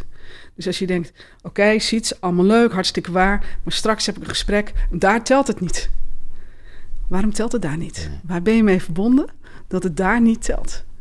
En dat is natuurlijk super interessant, want als je die te pakken hebt, dan kun je nou, dat uur ingaan en dan zeg je de eerste drie minuten doe ik het even zo en daarna doe ik weer wat ik altijd doe. Ja, maar ik kan me toch niet aan de indruk onttrekken, maar misschien, uh, ik weet het niet, dat jij ook niet voor jezelf als mens bepaalde tools hebt waardoor je even weer checkt of je wel echt aanwezig bent met jezelf, in verbinding staat met jezelf. Ja, en het, bij mij, ik heb het echt goed geleerd. Um, een paar jaar geleden Um, toen was, werd ik 45. Ja, ik heb iets met die drempel uh, ja, ja. en toen dacht ik, uh, god, uh, weet je, hoe lang, hoe lang wil ik nog werken? Ik denk, nou, ik wil nog wel 30 jaar werken. Maar ja, dan ben ik natuurlijk wel echt een oude vrouw. Ja. Veel mensen werken liever met jonge mensen dan met oude mensen. Dus ik moet wel zorgen dat ik een leuke oude vrouw ben... waar mensen toch mee willen werken. Dus ik ben leuke oude vrouwen gaan observeren. Wat hebben die? die hebben energie en die zijn comfortabel met zichzelf en met hun leeftijd. Ja, ja, ja. Dus ik dacht, zo, uh, zo ga ik het doen. En uh, daar hoorde dus ook bij dat ik dacht, ik, dus ik moet zorgen dat ik mijn energie behoud. Dus als ik s'morgens met zoveel energie de deur uit ga, wil ik eigenlijk met net zoveel energie terugkomen. En toen ik dat voor de eerst dacht, dan ja, dat kan helemaal niet natuurlijk. Want ja, je wordt nu eenmaal moe van een dag en van leeg, ja. Ik doe net alsof het waar is. Ik doe net alsof het kan. En dan ontdek ik wel wat er gebeurt. En uh, dat was superleuk. Ik heb het een half jaar gedaan met volle aandacht. En dan, dat maakte mij heel gevoelig voor de momenten waarop ik mezelf kwijtraakte. Omdat je dacht, hé, hey, hier gaat en energie, ik energie verloren. Ik dacht, shit, hier ga ik mis, hier Ja, ga ik glijden. ja, ja, ja. Wat gebeurt er? Oh ja, ik ben onder de indruk van de mensen met wie ik werk. Oh ja, shit, shit, is het nodig? Weet ik niet. Is het oud? Ja, oké. Wat kan ik zeggen tegen mezelf dat nu relevant en waar is, waardoor ik mezelf weer kan voelen? En dat heb ik een half jaar gedaan. En dat heeft me enorm gevoelig gemaakt voor die momenten waarop het gebeurt. Maar, en dus, uh, als je vraagt, is het te trainen? Dit was mijn training. Ja. Maar ik zou bijna zeggen, want je zegt nu echt van... ik deed dat een half jaar. Dit is, bedoel, dit is toch iets... waarom ben je ermee gestopt? Ja, het is geautomatiseerd. Ik hoef Ja, niet meer, ik hoef niet meer Nee, bewust te doen. oké, Nee, dan ja. snap ik het, ja. Ja. Maar hoe, eh, dat valt hier een beetje in samen. Heb jij een ochtendritueel? Ik heb meer een ochtendroutine. Ja. Ja. Nee, oké, jij wil het niet Ik zo heb, mooi... eh, eh, ik heb eh, drie tieners. ja, oké, dus dat is Ja. gewoon knallen. Dus wat, mij, wat ik belangrijk vind in de ochtend is dat mijn kinderen goed de deur uitgaan. En de tienertijd is natuurlijk gewoon heftig met alles wat er gebeurt in je lichaam. Maar ook wat er gebeurt in de buitenwereld. En alle angsten die op hun geprojecteerd worden. De angsten van de school en van de docent en alles. Ja. Dus ik richt mijn aandacht in de ochtend om te zorgen dat mijn kinderen in contact met zichzelf naar buiten gaan. Maar hoe doe je dat? Dus ik sta bij voorkeur een half uur eerder op dan zij. En dan ben ik gewoon eh, beneden. Ja. En dan eh, ben ik aanwezig. Ze gaan, we gaan allemaal onze eigen gang. Ik smeer geen brood of zo. Nee. Maar ik ben wel aanwezig. En Ja. ik ben wel de moeder. En Ja. eh, ik vraag, heb je lekker geslapen? Dus er is een groter systeem waar zij uit vandaan stappen als ze de wereld ingaan. ja. Dus die, die voelen ze. Ze zijn niet in een eentje. Nee. Gaat niet expliciet. Misschien moeten ze heel hard lachen als ze me dit Ja, horen ja, vertellen. ze hebben dat helemaal niet door. Ja. Maar dat is mooi, ja. en dan, eh, weet je, dus dat, is, dat vind ik het belangrijkste in de ochtenden. En ehm, mijn rituelen zitten meer in de avonden, voordat ik ga slapen. Dus dat is voordat ik, hè, zo, zo tijdens tanden poetsen, kijk naar de dag. eh waar ben ik dankbaar voor? Ja. Hè, hoe is het met me gegaan? Ehm, en eh, wat ik vaak doe, is voordat ik echt mijn hoofd op het kussen leg, is dat ik een soort van bestelling doe van eh, wat houdt me bezig? Wat wil ik leren? Welk inzicht wil ik krijgen eh, tijdens mijn dromen? Dus is bijna een soort van fix me even in mijn dromen Ja, ja, ja, verzoek, zeg maar. soms merk ik daar bewust iets van, heel vaak ook niet. En zo ja, sta ik dan de volgende dag weer op.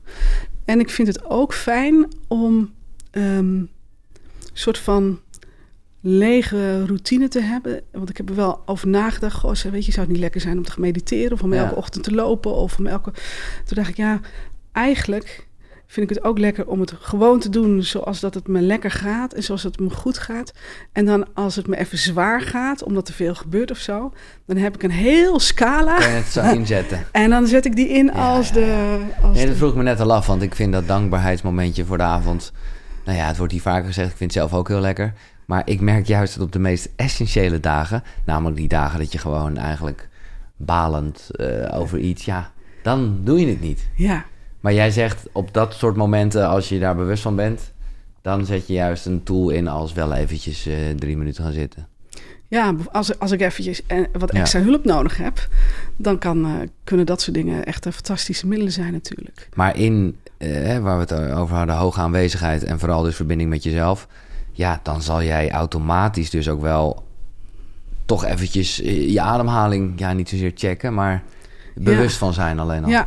ja, en ik heb heel vaak een hele hoge ademhaling. is echt oh, vet irritant. Oké. Ja, en uh, ik heb van alles nog wat erop losgelaten. Weet maar je. wat is de verklaring, eh, denk je zelf? Ja, dat is een, een, een hele persoonlijke, die hou ik liever uh, nee, bij me. Nee, maar goed, je bent ja. in ieder geval bewust van. Ja, ja ik, en zelfs alle, het bewustzijn is niet sterk genoeg.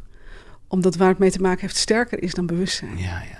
En alles wat ik erop gedaan heb, was natuurlijk gericht op van die hoge ademhaling afkomen. Ja.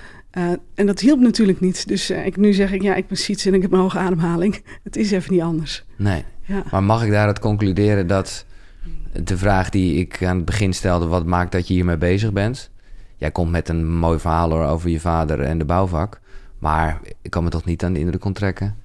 dat misschien dat persoonlijke hier dan ook wel mee te maken heeft. Dat je hier zo mee bezig bent met hoe heb je verbinding. Nee, natuurlijk. In alles wat je doet. Ja. Uh, gaat niet alleen over mij, maar ook over jou en over alle anderen. Natuurlijk wat je doet. En zeker als je het met zoveel passie doet als dat jij en ik doen. En met zoveel liefde. Dan zit daar een drive dan, achter. Dan zit daar, ja. dat is ergens geworteld. Ja. Ja. Nee, helder. Um, ja, de universele vragen hebben we nog niet gehad. en dat, uh, dat zijn er ook vier, toch? Ja. Ja. Ja. Weet je ze uit je hoofd? Moet ik, ik heb, ik heb inmiddels andere. Oh, je hebt andere? Ja. We hebben een scoop, jongens. Gooi het boek weg. Nee, nee, nee. Uh, Oké. Okay. Nou ja, ja. dan uh, oké. Okay. Nee, dus universele vragen, dat zijn vragen die je eigenlijk altijd kunt stellen. En die... Um, aan jezelf of in een gesprek? Aan, je, aan jezelf of in een gesprek. Ja. Of uh, als je... Een goede oefening is als je praatprogramma's kijkt. Om dan in gedachten een van die vragen te nemen... en via die vraag als filter te luisteren naar een praatprogramma. Dat is een hele leuke. En in mijn vragen, 90% van mijn vragen verlaten mijn hoofd niet. 90% van de vragen die ik heb, die vormen mijn denkproces. Mm -hmm. En door wat er in mijn denkproces gebeurt, kom ik op een bepaalde actie uit. Dus dan ga ik iets zeggen of ik ga iets doen, of ik stel toch een vraag. Maar het, is het, het denkproces is eigenlijk het allerinteressantste, ja. omdat dat me op andere sporen brengt. En die universele vragen, die zijn universeel omdat je ze op elke context kunt plakken en ze zijn altijd relevant. Uh, en maar bijvoorbeeld de vraag, ik weet niet of je die dan ook hebt aangepast, dat vind ik een, zo'n goeie. Wie of wat wordt er niet gezien? Ja. Is, die, is dat niet meer, zit hij nu niet meer in je hij, heet, pakket? hij zit nu in mijn hoofd als, uh, waar gaat het niet over wat ik wel zou verwachten? Ja, precies. Oké, okay, het is gewoon een, meer een soort ja. Uh, ja. Taalaanpassing. Ja, en die heeft te maken met dat het systeem goed gaat, als alles wat bij het systeem hoort er mag zijn. Ja. Dus ook het nare en het lelijke en het spannende en het enge. Dat je dat niet uit de weg gaat, maar dat je dat neemt als deel van je realiteit. Ja. En dan kan alles weer ontspannen en Ja. dan verliest het ook aan intensiteit en kracht. Ja. Nee, maar ik vind het leuk dat je het zo schetst, ook met, de, met een soort talkshow in gedachten, wat natuurlijk altijd heel erg wel een bepaald frame is Ja. van een zaak.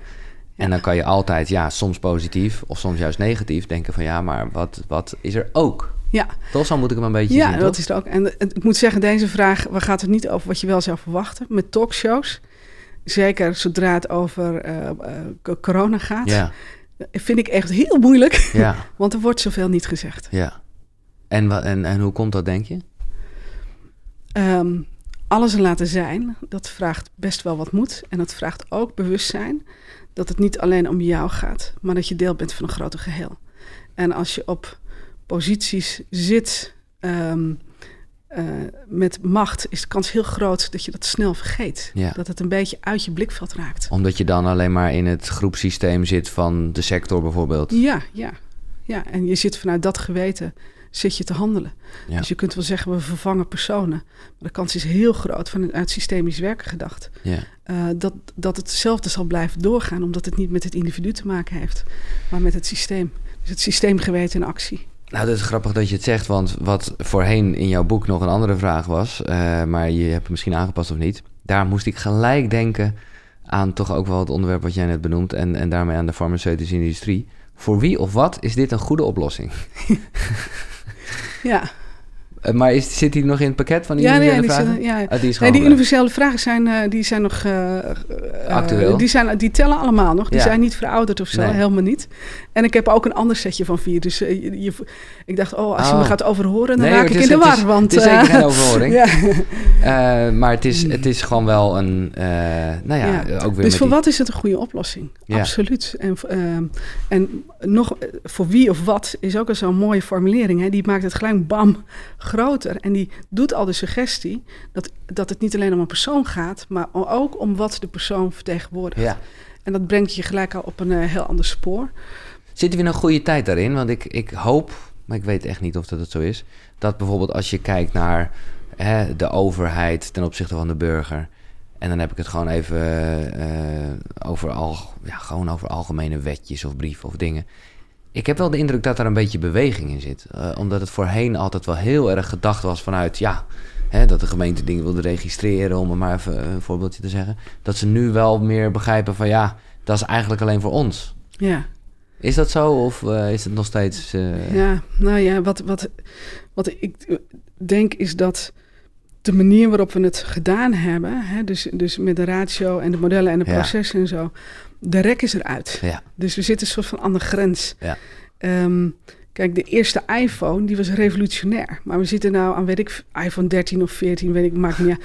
Maar de verschillen onderling worden kleiner en kleiner, terwijl die apparaten duurder en duurder worden ja, eigenlijk wil ik een iPhone eh, waarmee ze me garanderen dat ik hem de komende 15 jaar kan gebruiken. nou, dat gaat niet gebeuren. Koop ik gelijk. Ja, Snap Want dan gaat- denk ik, dan wordt er ook minder eh, eh, beschadigd aan de wereld. Dus vanuit het denken in een groter geheel eh, is Ja. dat wat je wilt. En daar ont, het, het lijkt erop alsof er meer ruimte ontstaat om dat ook te mogen doen. Dus het, het spreken over systemen, het werken met je lichaam als uitgangspunt, daar lijkt meer en meer ruimte voor te zijn. En aan de andere kant zie ik ook heel veel mensen uit angst handelen. Ja. ja, of gewoon, ik weet niet, ik bedoel, als jij het hebt, ik vind het een mooi voorbeeld met die telefoon. Ja, ik snap wat je zegt voor, voor de wereld, hè, eh, milieu, klimaat, hoe je het ook wil noemen, zou het fijner zijn. Maar ja, jij snapt toch ook wel dat het zakelijk gezien echt het meest dom is wat Apple ooit zou kunnen doen. Ja, maar stel dat het nou niet meer alleen om de zakelijke belangen nee, gaat. precies. Stel dat we nou eh, op grote schaal meer en meer een gevoel krijgen dat, alleen, dat we genoeg geld verdiend hebben en dat we genoeg welvaart hebben. Ja, En dat het nu tijd is om andere keuzes oh, te maken. lekker hè, als dat echt Ja, voel je hem? Ja, ik voel hem helemaal. Als Ja. iedereen dat besef zou hebben van... hé, hey, er is genoeg, het is er allemaal. Dus laten Ja. we even ophouden met de competitie... en eh, geld verdienen achter. En misschien nog niet eens iedereen. Misschien is maar eens een paar procent. En die trekt de rest van mee. en dat, want als je zo leeft, dan heb je een hele andere kwaliteit van leven. En die kwaliteit van leven is gewoon ongelooflijk besmettelijk in de goede zin des woords. ja, En omdat dat, is, er een rust van uitgaat. Ja. En, en, en dat is ook wat, wat Gandhi schrijft. Dat als jij vanuit je, je interne zijn en wie je bent handelt naar waar je voor staat en waar je in gelooft, dan is het onvermijdelijk dat degene die die, die slechte wet bedacht heeft, gaat nadenken over de slechte wet en tot inkeer komt. nice. Eh, de volgende universele vraag. Ik ga er toch, een- Ja, ga er toch een Ja. Nee, ik, heb hier, maar ik heb er geen vier staan. Dat is stom eigenlijk. Bij wie hoort dit werkelijk? Ja. Heb je die nog aangepast? Ehm, waar ben ik innerlijk mee verbonden? Ah ja. En, en beide zijn natuurlijk even goed, maar ze hebben te maken met ehm, vanuit welke verbinding reageer ik. En soms reageer je ehm, als volwassen iemand vanuit iets wat je in je jeugd hebt meegemaakt Ja. en waar je bang was of je eenzaam voelde. En dan woep, projecteer dat zo naar je Ja. volwassen leven. En dan vanuit die verbinding komt er een activatie. Heel veel mensen die buitenproportioneel boos zijn of buitenproportioneel ehm, emotioneel zijn over het onderwerp, dat als je een beetje uitzoomt dat je denkt, ja, ik snap dat je het niet leuk vindt, maar Ja, zo boos hoef je niet te worden. Ja, ja, Dat er komt uit een verbinding daar. Ja, Dus, eh, dus waar hoort het werkelijk of eh, vanuit welke verbinding komt dit? Wat is Mooi. er geactiveerd? En dit, ik, dit is allemaal heel persoonlijk, of althans, ik, uh, wat is een relatie dan een goede spiegel? Hè? Want daar voel je dat soort dingen zo erg. Ja. Toch? Ja, ja. Ik zal je even helpen met... Met de vierde uh, universele. Vierde, want ik weet hem echt ja. niet, de vierde universele vraag. oh, hier heb ik het. Er is trouwens, oh ja, die ga ik er even bij pakken. Je hebt ook namelijk, het is wel meer dan alleen een boek. Het is echt een, een, een heel, nou, systeem zou ik willen zeggen. Want er is ook een, een, een kaartenset en een app. Ja. Ik ga de app er straks even bij eh, pakken. Oh ja, leuk. Even kijken. Uh, allemaal varianten. Bij hoor je hoort het werkelijk. En dan is de vierde... Of zijn er maar drie? Zijn... Oh. Er zijn er maar drie, denk ik. Nou, de vraag die ik heb toegevoegd is: hoe oud is dit? Oh, ja, dat hoorde ik je net al even zeggen. Ja, ja. En, de, ja. en dat is eigenlijk al uh, uh, bijna drie jaar mijn favoriete vraag. Dus jij zult vast favoriete artiesten hebben en albums. Ik heb ook vast favoriete vragen. ja. En uh, die vraag, hoe oud is dit? Die helpt enorm goed om een beetje uit het dagelijkse gedoe te komen en een beetje uit te zoomen. En vanuit een soort van meer metapositie te luisteren naar wat er gebeurt. Maar ook weer een beetje met wat je net zei van waar komt dit vandaan? Met iemand die boos wordt vanuit ja, zijn jeugd? Ja. Of... Hoe vaak is iemand al boos geworden om soortgelijke dingen? Ja. Want dan komen er allemaal variaties, maar het is, het is ja. uiteindelijk nog steeds... Of als iemand, uh, hè, dat je denkt, goh, een, een leuke persoon... Uh, die zou het goed moeten hebben in, in zijn of haar leven... en die zegt, ja, ik ben heel onzeker. Dat je, dat je in je hoofd luistert met de vraag... hoe oud zou die onzekerheid zijn? Ja, maar dit zijn allemaal... Hè, de, de, de universele vragen zoals we die nu bespreken... en waarbij jij ook zegt van, nou, ga zo eens naar een talkshow kijken... dat zijn eigenlijk dus veel meer ook processen met jezelf. Dit, dit, dit heeft te weinig te maken met een... Je gaat niet tenminste neem ik aan, in een gesprek echt tegen iemand zeggen: hoe oud is dit? Nee, dat is een beetje een rare vraag. Nou, ja. Ik, moet zeggen, ik heb wel enige ondeugendheid in me, dus ik vind het wel leuk om dat af en toe uh, te doen. Uh, maar ik kan het eigenlijk alleen doen als ik weet dat ik een hele goede kwaliteit van aanwezigheid heb. Want dan kijk ik zo heel vriendelijk en een beetje naughty. Bam. En dan uh, hup, fietsen we erin. Maar je kunt hem natuurlijk ook anders formuleren. Je zou kunnen zeggen, is het ooit anders geweest? Ja. Of uh, waar is het ooit begonnen? Ja, dus dat ja, zijn veel subtiel, makkelijkere... Maar wel dezelfde pijn opzoeken. En hoe oud is dit? Die is gewoon, dat is lekker als filter in je hoofd. Ja. Nou ja, voordat ik dan naar de, de, de vragen van de app ga, vind ik gewoon leuk. Heb jij zelf dan nu een vraag in gedachten? Uh, omdat je dat net zo zegt hoor. Ik heb dat niet van tevoren gevraagd. Maar wat jij je afvraagt met mij en zoals ik hier zit als mens? Of, uh... Nou, wat ik in mijn. Voor, hè, dus ik heb een aantal podcasts geluisterd. Ja. Um, en um, uit, uit het begin en uit het midden en zo wat recenter. Dus dat is leuk, dan hoor je ja, zo dat verschillen. is wel een soort reis, ja. En in het begin ging het heel erg over verbinding met jezelf. Ja. En dat bracht je heel erg in. En dat nam zo langzaamaan af. Ja. Dus de vraag in mijn voorbereiding was... Goh, hoe, hoe zou Giel nu in verbinding staan met zichzelf? Zou hij dat meer voelen? Ja. Of, uh, ja... Ik zeg niks. Ja, nee, ja, ja, ja sorry. Ja, nee, ik leuk dat je je vraag laat afmaken. Ja, nee hoor. Dus uh, nee, je, je, je, hebt al antwoord gegeven. Ja, absoluut. ja, ja. Ja, ik gaf al antwoord misschien zonder dat ik wat zei. Als, ja. ja, nee, absoluut. Ja. En dat, maar dat neemt niet weg dat ik nog wel voor mezelf daar wel, uh, maar ja, steeds minder rigide, maar wel gewoon checkmomentjes voor moet hebben. Ja, ja. En, en uh, ik vind het heel leuk om te merken dat, dat ook dat wat losser wordt. En daarmee zou je kunnen zeggen meer in balans. Maar ik vind het ook wel, ja, weet je wel, gewoon het momentje om s ochtends even bam bam met shambala druppeltjes er een kwartiertje te zitten. Ja, het is net als tandenpoetsen, je doet het gewoon. Ja. En dan, ja, dan weet ik toch gewoon de rest van de dag, oké. Okay. En natuurlijk gebeurt het nog steeds dat ik dan later denk, hé, hey, wat, wat, waarom voel, ja, ik heb daar niks meer gevoeld of zo. Ja. Dus het zit er nog steeds wel in. Ja om af en toe uit verbinding. Ga jij, sta jij, ben jij nog wel eens uit verbinding met jezelf? Ja, zeker. Okay. Zeker, ja. Ja, ik wil het soms veel te graag heel erg goed doen. Dan ga ik echt uh, vet hard uh, onderuit. Keer op keer. Dat, uh, dat blijft gebeuren, ja. Maar ik herken het wel steeds sneller. ja. ja. Dus jij bent ook best wel een denker. Ja, en ik ben uh, heel sterk. En ik heb heel veel energie. En ik ben heel ambitieus. Dus ik wil heel veel. Dus al die dingen die halen me soms uit het contact met mezelf. Mm, precies. En hoe...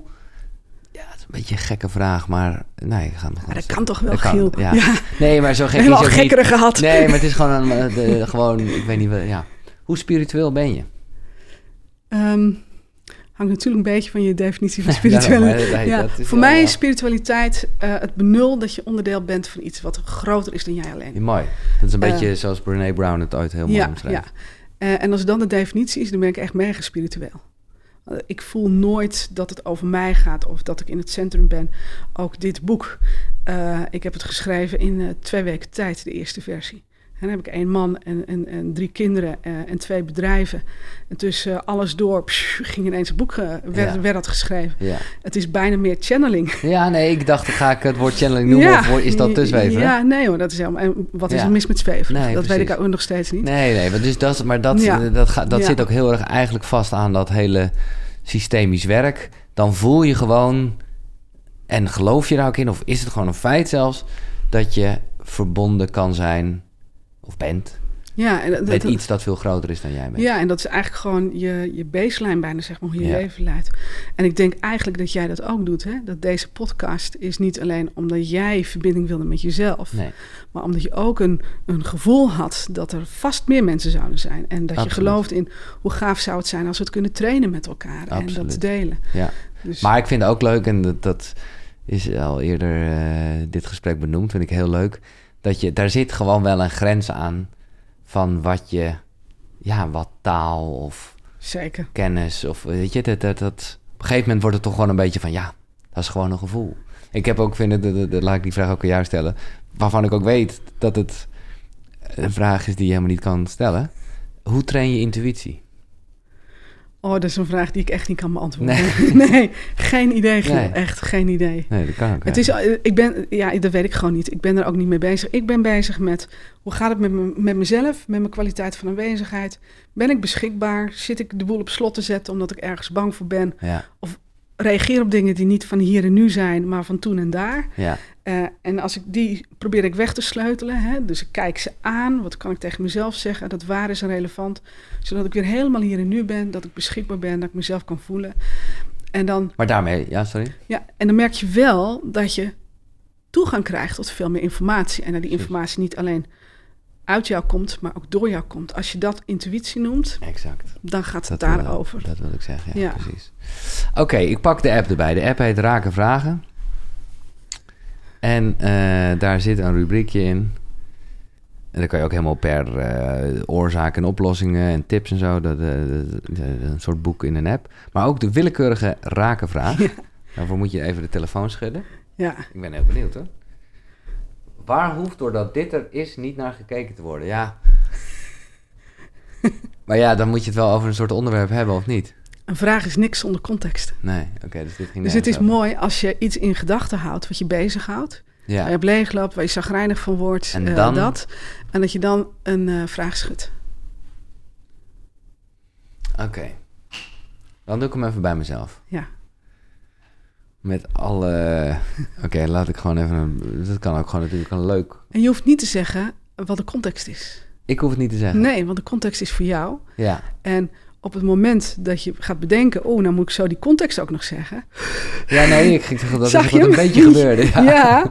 dus zeg hem niet hardop, die context. Het is meer voor jou en jouw hart. Oké. Maar ja, dan... En, en, wij oefenen even in uh, fenomenologisch waarnemen... wat gebeurt er met Giel als hij de vraag leest. Oké. Ja, oké. Okay, okay. Waar en wanneer ligt de kiem van hoe het nu is? Hmm. Ja. ja. Mooi hoor. Ja, ik kan er niet zoveel over zeggen, omdat ik gewoon helemaal geen zin heb om het onderwerp. Nee. maar het gaat over iets heel moois als het, het ging over, het gaat over de liefde. Ja. En ik vind het al gelijk een mooie vraag, inderdaad. Omdat dat ergens heel concreet, hè, een bepaalde periode is dat je iemand kent. Maar als je het hebt over de kiem, ja, dan heb je het al snel over hoe ik als jongetje gegroeid ben naar, ja, nou ja, misschien toch wel een mannetje. En ja, dat is precies wat er nu Dus het is heel leuk, Giel, als, uh, als de liefde de vorm heeft van een persoon. Um, om met die persoon uh, ergens op een mooie plek te zijn, te gaan wandelen of te eten. Of net hè, gewoon op de bank, net hoe jullie dat uh, dan doen. Ja. En dat je als eerste zegt waar die vraag voor jou over gaat. Ja. En als tweede dat je die vraag beantwoordt en dat je het vertelt. En dan krijg je zoiets moois met z'n tweeën. Is oh, intimiteit op next level. Ja, precies. Ik word er helemaal emotioneel van, echt maar. Fantastisch. Oké, maar wil jij hetzelfde doen? Ja. Ik, uh, toen uh, deze app uh, in ontwikkeling was, zijn we natuurlijk aan het testen geweest. En ik heb al die vragen bedacht. Oké, ja, dus, jij... dus ik dacht, ja, hoe gaat dat? En toen ben ik ehm, aan het begin van de coronatijd, want toen is die app ook ontstaan, naar de persconferenties gaan kijken. En dan bij de persconferentie een vraag schudden. En dan dacht ik van tevoren, het is vast die vraag. Nou, dat was ja? nooit natuurlijk. Oh, het was altijd een ander, maar het was altijd beter. Ja. ja. Mag ik de vraag zien? Ja. Hoe neem jij jouw plek in? Ja, maar goed, het is dus niet... Ik snap hem nu ook wat meer. Uh, dit is voor alleen voor jou leuk. Ik zie je wel stralen, maar ja, dat zie ik je de hele tijd al. En het is uh, super relevant, want ik heb straks een moeilijk gesprek met iemand. Oh. Waarin ik uh, mijn grens heb aangegeven, wat oh. voor mij niet heel natuurlijk is. Oh. Dus de vraag is, uh, ik beschouw hem als een aanmoediging. En je vond dit geen moeilijk gesprek? Nee, Giel, hier mag ik toch delen over... Ja, ja. absoluut. Nou, laat ik nog even een moeilijke vraag stellen. um, hoe kijk je aan tegen de dood? Want jij noemde dat net, vond ik wel fascinerend. Ik heb zelf namelijk, uh, zie dat niet zo als een angst, maar je noemde dat net eigenlijk de grootste angst die een mens kan hebben. En ik, ja, dat is ook wel zo, want ja, het, ja. Is, het is het einde of niet? Maar dat is een beetje dus een vraag. Ja, dus het leven wordt sterker, rijker en krachtiger als de dood er deel van mag zijn. Ja, want dan geeft het een drive. En dan, en dan kun je voluit leven. Maar zodra je voelt dat je angst bent, hebt voor de dood, stopt het leven ook. En dan dat proces van de dood integreren in je leven.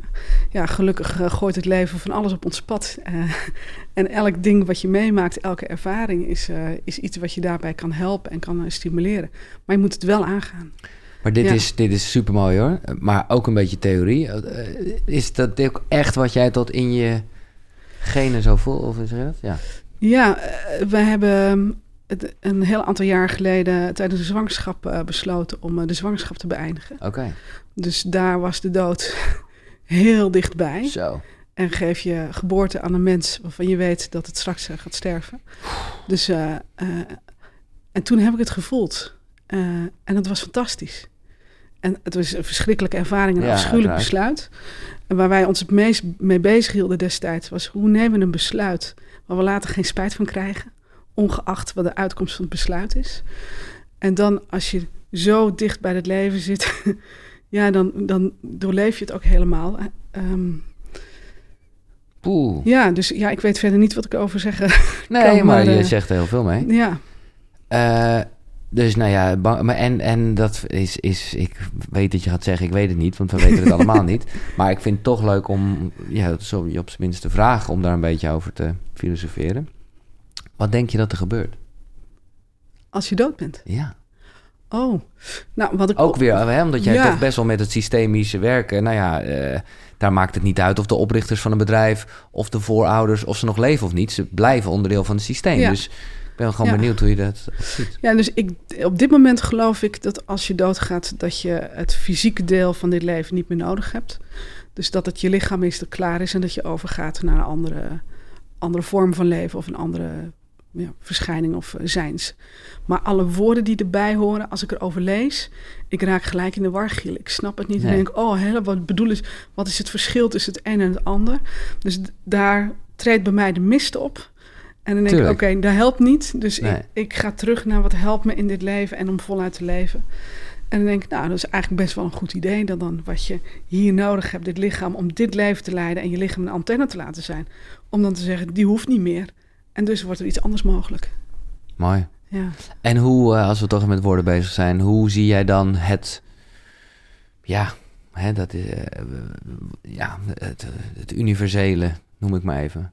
Of is dat ook gelijk het woord? Nee, ik, ik kan er nog tegen.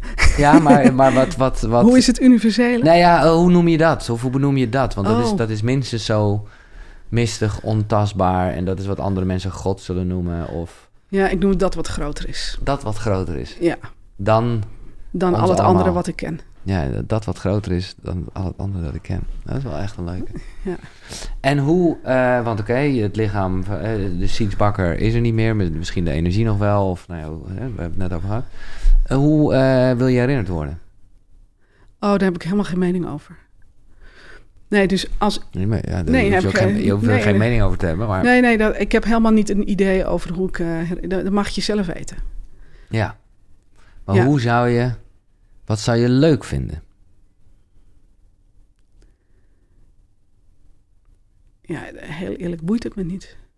Dus wat ik, wat ik, dit klinkt een beetje onaardig, Ehm, maar als, als ik dood ben, als dit lichaam niet Ja. meer en dan ga ik door, dan heb ik mijn tijd hier gehad. Dus ik, Nee, oké. ik leg geen claim op wat er daarna gebeurt. Oké, ik ga de vraag... Dus er zit meer daarin. Eh, Deze- eh, deze- Daar loop ik op vast. Ik weet, ja, ik weet, het is echt eh, crazy wat er de afgelopen weken gebeurt. Op een of andere manier gaat deze vraag de laatste tijd altijd een beetje de mist in. Omdat mensen in Sorry, deze hoor. houding schieten. Nee, maakt niet Ja. uit. Maar ik ga de vraag nu anders stellen. Oh ja.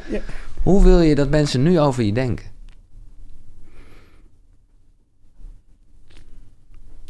Lange stilte. Mag. Ja. Ja, ik wil niet lullig doen, maar het maakt eigenlijk ook niet zoveel uit. Het is belangrijk hoe ik over mij denk. Ja, ik, weet, ik, ik, ik doe mijn best om wat Nee, te... nee, nee. snap maar ik, bedoel, ja. ik, ik, ik vind het ook ik vind het iets te mooi om waar te zijn. Omdat jij nou, eh, zelf nog vertelt hoe je oudere vrouwen bent gaan bestuderen. Omdat je een leuke oude vrouw wilde zijn. Ja, maar niet omdat andere mensen mij leuk vinden. Voor jezelf. Maar omdat ik dan mijn leven vol kan leven. Ja. En ik heb wel eens, dus, eh, ik- ik- misschien via een omweg dat ik een antwoord kan geven. Ik heb wel eens aantekeningen gezien van mensen die een training bij mij volgden. En ik las die aantekeningen en ik ben me echt rot geschrokken. Oh. Ik dacht, "Huh? heb ik dat gezegd? En toen vroeg ik aan iemand anders, mag ik jouw aantekening ook even zien? En dan stond weer iets heel anders. Ja, Dus uiteindelijk, eh, mijn invloed eh, of mening over wat mensen vinden of zeggen, ja, die is echt zo beperkt. Ik zou het wel echt heel rot vinden als mensen mij beschuldigen van dingen eh, die, ik, die ik niet heb ingezet. Hè? Nee. Dus als mensen me eh, eh, heel oneerlijk vinden of dat soort dingen, dat, daar zou ik echt wel last van hebben. Dat, dat wel. dat begrijp ik. Maar ik zie ook in jouw eerdere antwoord een hele mooie twinkeling bij, nou ja, als mensen iets opschrijven. Dus ja, je, je, je voelt natuurlijk wel de behoefte om mensen te inspireren. En ja, ik zal niet meer helpen zeggen. maar toch op zijn minst, nou ja, om in verbinding te staan. Ja, ik vind het ongelooflijk geweldig dat ik mijn leven kan leven en dan met mensen mag praten hoe ik naar de wereld kijk en het Ja. soort vragen dat ik stel. En dat mensen er blij van worden. Nou ja, dan ben ik echt apen trots, Giel. Dat mag je echt wel Nee, weten. Dat vind ik eh Maar dit is dan, superleuk. dan heb ik via een omweg dan Ja. toch een antwoord gekregen op een vraag. Want dat is dus ook wel, ja, of je nou wel of niet echt wil dat je zo herinnerd wordt. Maar ergens ben je nu vooral bezig om een vrouw te zijn waarvan mensen in ieder geval kunnen zeggen: Wauw, die is bezig met verbinding. Ehm, Gaat, is het ook alweer te ver? ja, een beetje wel. Maar hier, rake vragen. Breng beweging in situaties Ja. die vastzitten. Ja, dan wil je ik toch vind iets? het geweldig. Dan wil je toch iets? Ik, wel, ik vind het geweldig als iemand naar me toe komt en die zegt: Joh, die, ziet die vraag van jou. Ja. Daar heeft me echt zo geholpen. Daar Ja. word ik echt super gelukkig van. ja. Daar word ik echt, eh, ja, Hè. als je dat zegt, dan zijn we er. Daar zijn we. er. nou ja, eh, dit is, eh, is altijd de laatste vraag. Maar ik heb specifiek ook de laatste vraag van dit gesprek eh, opgeschreven. In de categorie raken vragen. Wat is er nog niet gezegd?